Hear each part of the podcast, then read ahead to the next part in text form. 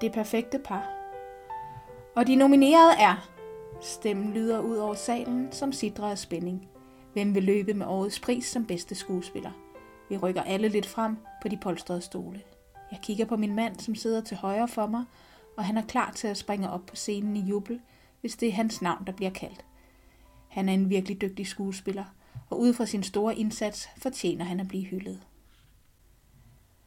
Første gang vi mødte hinanden var på en restaurant med dæmpet belysning og store runde borde i Indre By. Jeg var ude at spise med nogle veninder, og indkom der denne lidt specielle gruppe af meget højt rystede mennesker. Det helt særlige ved dem var, at det var en flok kendte skuespillere fra biograflæret, fuldt af en flok ukendte unge mennesker. Beklager, sagde tjeneren til dem, men vi har desværre ikke plads til så mange lige nu. Jeg kiggede mig rundt og lavede en hurtig hovedregning. Af en eller anden grund rejste jeg mig op og gik hen til tjeneren. Måske var det muligheden for at tale med disse, for mig, spændende mennesker, der udgjorde min reaktion. Eller også var det mit behagsyge væsen. Vi sidder kun tre ved vores bord til hvad? Otte mennesker, sagde jeg helt uden at have talt med mine uforstående veninder om det først. Så du må gerne placere nogle af dem ved vores bord, hvis det kan hjælpe. Meget taknemmelig og en smule ydmyg satte han, der senere skulle blive min ægtemand, så ved siden af mig. Jeg har helt sikkert virket meget fremme i skoene, hvilket har gjort, at han virkede tilbageholdende. Men det varede ikke længe. Er I ude at fejre noget? spurgte jeg. Dels fordi jeg var nysgerrig, dels for at bryde den tynde is. Ja, det er vi faktisk, sagde han og smilede, og jeg kunne fornemme en stolthed i det smil. Vi har lige afsluttet optagelserne på en spillefilm. Er du skuespiller? spurgte jeg, og blev en smule forfjamsket. Her sad jeg måske ved siden af morgendagens helt store skuespiltalent, tænkte jeg. Ja, nyudklækket fra skuespilskolen og har allerede landet min første hovedrolle. Han løsnede op og begyndte at spørge ind til mig og mine veninder. Inden aftenen var omme, så var jeg også blevet præsenteret for hele filmholdet. Vigtigst af alt, så havde han også kysset mig, inden mine veninder og jeg skulle videre i byen som planlagt, selvom jeg på det tidspunkt helst var blevet hos ham. Men som plaster på såret, så gav han mig sit telefonnummer, hvilket var beviset på, at han virkelig gerne ville tale med mig igen. Den aften dansede jeg mine ben i stykker, men mærkede det ikke, for jeg følte, jeg kunne svæve. Forelskelsen opstod med det samme hos os begge, og det var svært at undvære hinanden. Derfor var han heller ikke i tvivl om, at han ville have mig med til hans første filmskallerforvisning. Han hentede mig iført et flot jakkesæt, og alligevel var han helt betaget af min lille sorte H&M-kjole. Alting var så ukompliceret dengang. Intet skulle se perfekt ud. Lidt væk fra det store biograflæret parkerede han sin nye lille polo, som han var så stolt af, og vi gik sammen hånd i hånd hen mod den summende biograf. Det var som en bistade fyldt med nysgerrige og håbefulde mennesker, som gerne ville se alle de medvirkende i filmen. En rød løber var rullet ud, og en baggrund med filmens cover og titel var sat op, hvor pressefotograferne stod klar til at knipse billeder til hver deres ugeblad. Du skal med, sagde han insisterende og lidt fjollet. Hvad? Nej, sagde jeg og trak instinktivt min hånd til mig. Han greb den med det samme og trak mig ind til sig og kyssede mig, så alle kunne se det. Journalisterne var ikke i tvivl om, hvem han var, og lugtede straks blod. Før jeg så mig om, var det første billede taget, inden jeg overhovedet havde placeret min slitte stilet, der havde fulgt mig gennem mange byture på det røde filttæppe, og så var blodsugerne i gang med at udspørge ham om, hvem jeg var. Forhåbentlig er hun min kommende hustru, sagde han kægt, og siden den dag har vores forhold været afbildet i diverse glittede ugeblade. Salens store skærm viser nu de fire nominerede i hver deres respektive filmroller, og samtidig kommer en kameramand og filmer helt tæt på vores ansigter. Alle reaktionerne skal dokumenteres. Under bordet holder min mand fast i min hånd, og jeg kan mærke, at han er helt svedig af nervøsitet, så jeg klemmer den blidt for at vise ham, at jeg er her og tror på ham.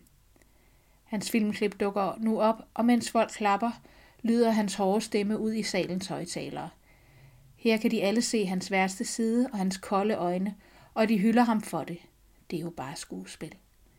Han klemmer min hånd så hårdt, at mine ringe borer sig ind i knoglerne, og jeg kæmper med alt, hvad jeg har, for ikke at vise den smerte, der bliver påført mig i skjul under duen. En måneds tid inden Bodilfesten skulle jeg til min skrædder Bertil for at have taget mål til min nye kjole. Han tog imod med kindkys og et knus. Din silhuet bliver da også bare skønnere og skønnere. Jeg tænker, vi skal være lidt frække og vise lidt hud. Han stillede sig op og iagtog mig, mens han holdt hånden op til ansigtet og lignede en kunstner, der tænker over sit næste værk. Din skønne mand er jo spået til at vinde den helt store pris, hører jeg, sagde Bertil begejstret. Så jeg skal virkelig gøre mig umage. Du ender jo med at blive den mest fotograferede kvinde til festen. Mund dog, sagde jeg så stille som en mus, og han kunne knap høre mig. Kom, lad os gå ind og få taget nogle mål. Han greb min hånd og slæbte mig med ind i det enorme omklædningsværelse. Det var ikke uvandt for mig at smide tøjet foran ham, men denne gang tøvede jeg og kunne næsten ikke. Jeg tog forsigtigt min yderste trøje af og stod derefter med bare arme. Bertil kiggede en ekstra gang, men sagde ingenting. Derefter tog jeg mine bukser af, og han kunne ikke længere holde tavsheden tilbage. Hvad har du dog lavet, min søde skat? sagde han, gik helt tæt på og drejede mig rundt. Har du været blandet ind i en ulykke, man ikke har hørt om? Mine blåsorte mærker på både arme og ben lignede ikke, at jeg blot havde været klodset og var faldet grimt. De var over det hele. Det var første gang, nogen så dem, og jeg mærkede en tårer glide ned ad min kind. Han sagde ingenting, men greb mig blot, da jeg sank ned på gulvet og begyndte at hulke. Her sad jeg som en lille pige på skødet af en voksen og græd, som når man var faldet og havde stået sig rigtig grimt på sine rulleskøjter. Er det ham, der har gjort det her ved dig? Spurgte Bertil forsigtigt. Jeg nikkede. Måske vi skal holde igen med den bare hud så, spurgte han i et blidt og forstående toneleje. Men det skal ikke forhindre os i, at du kommer til at ligne en million. Ingen må vide det, tryttede jeg, men inderst inde vidste jeg godt, jeg kunne stole på ham, og hans mund ville være lukket med korsting. For blot få timer siden trak jeg i min nye lys cremefarvede kjole, som både er elegant og lidt våget. Der hvor Bertil havde forestillet sig, at der skulle være bart, havde han smuksyet let gennemsigtigt silkestof i. Med lidt make-up de steder, hvor jeg havde mærker, kunne min godt bevarede hemmelighed ikke ses. Mens jeg var lang tid om at gøre mig klar, så var min mand klar på blot en halv time. Han gik derfor i gang med at fejre aftenen på forskud. Døren til badeværelset, hvor jeg stod og gjorde mig klar, blev flået op, og jeg fik et chok, der gik igennem mig som et lille elektrisk stød. Skal du lige have et glas med? Han klappede mig bag i og stillede champagneglas på badeværelsesmøblet. Heldigvis forsvandt han med det samme igen. Han var altså i godt humør, og det glædede mig virkelig. Da jeg kom ind i stuen til ham og var klar til at blive hentet af taxaen, kiggede han koldt på mig, da jeg ville kysse ham. Tror du ikke, du skal gå ud og tjekke dit makeup en gang til? Hans øjne var som stikkende i syne. Du ligner en gammel kælling, der har prøvet at spartle de største fuger ud med spartelmasse. Det nev i mit bryst, og jeg løb straks ud på badeværelset. Denne gang med døren låst. Først der lod jeg tårne løbe frit af skuffelse.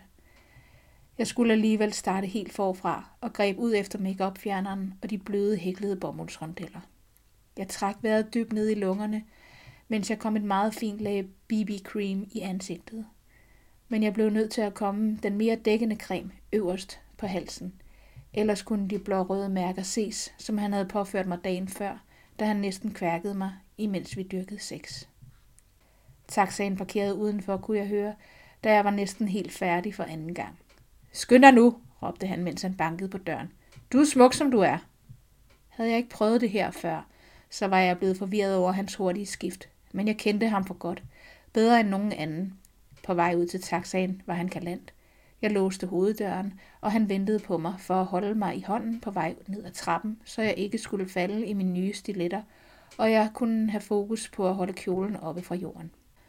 Han sørgede også for, at jeg kom godt ind på bilens bagsæde, og insisterede på at lukke døren for mig, inden han selv satte sig ved siden af mig.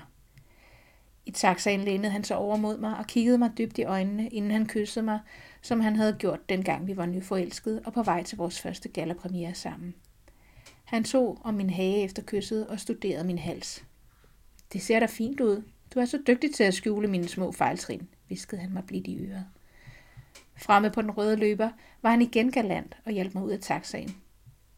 Der kunne næsten høres et suk blandt de fremmødte, som syntes, det var noget så sødt og kærligt, at han stadig tog sig så godt af hans elskede hustru, som han altid kaldte mig i diverse interviews. Han greb mig ikke i hånden, men om håndledet, og han klemte så hårdt, at jeg mærkede, hvordan blodet stoppede, inden det nåede mine fingre. Men ingen så det. Absolut ingen. Selvom vi stod der i fuld offentlighed, og fotografernes splitsen blændede os. Og alle omkring os åbenbart. Vinderen er Verden for hele showet står nu med en gylden kuvert og fumler med snoren, der skal åbne kuverten. Imens rykker kameramanden endnu tættere på vores ansigter, og jeg bliver utryg ved dette close-up, som bliver sendt direkte op på den store skærm. Jeg har svedt en lille smule og er nu i tvivl om mærkerne stadig er skjult. Min mands omdømme vil ikke kunne klare at blive smusset til. Slet ikke af mig. Kuverten bliver nu åbnet med, hvad jeg synes er et øredøvende rich. Verden kigger på det frigjorte kort og udråber nu vinderen, men jeg er så spændt, at jeg bliver døv i det navnet bliver råbt op. For hvilke konsekvenser vil det få for mig, hvis nu det ikke er min mands? Jeg bliver grebet om livet og løftet op af min mand, som giver mig et stort kram, og jeg kysser ham, mens han stadig bærer mig. Vi ser ud lige som vi skal. Det perfekte par.